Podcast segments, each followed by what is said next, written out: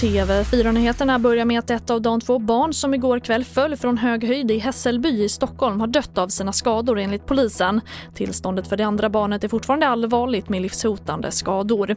En man och en kvinna med relation till barnen har anhållits misstänkta för mord och mordförsök. Och mer om det här kan du se på tv4.se. Och nästan var nionde flicka i åldrarna 10 till 17 år har fått oönskade nakenbilder. Det visar en ny enkätundersökning från organisationen Ecpat. Att hotas till att själv skicka bilder eller att få sina nakenbilder spridda är andra exempel på brott. Och även om det också förekommer så är det inte främst den stereotypa läskiga gubben som begår brotten.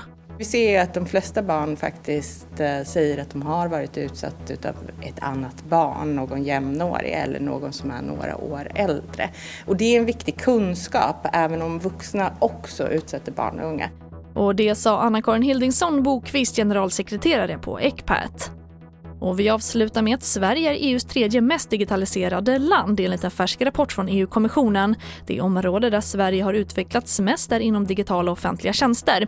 Och som exempel lyfts att svenskarna är duktiga på att använda BankID och nästan hälften av befolkningen bedöms ha mer än grundläggande digital kompetens. TV4-nyheterna, jag heter Charlotte Hemgren.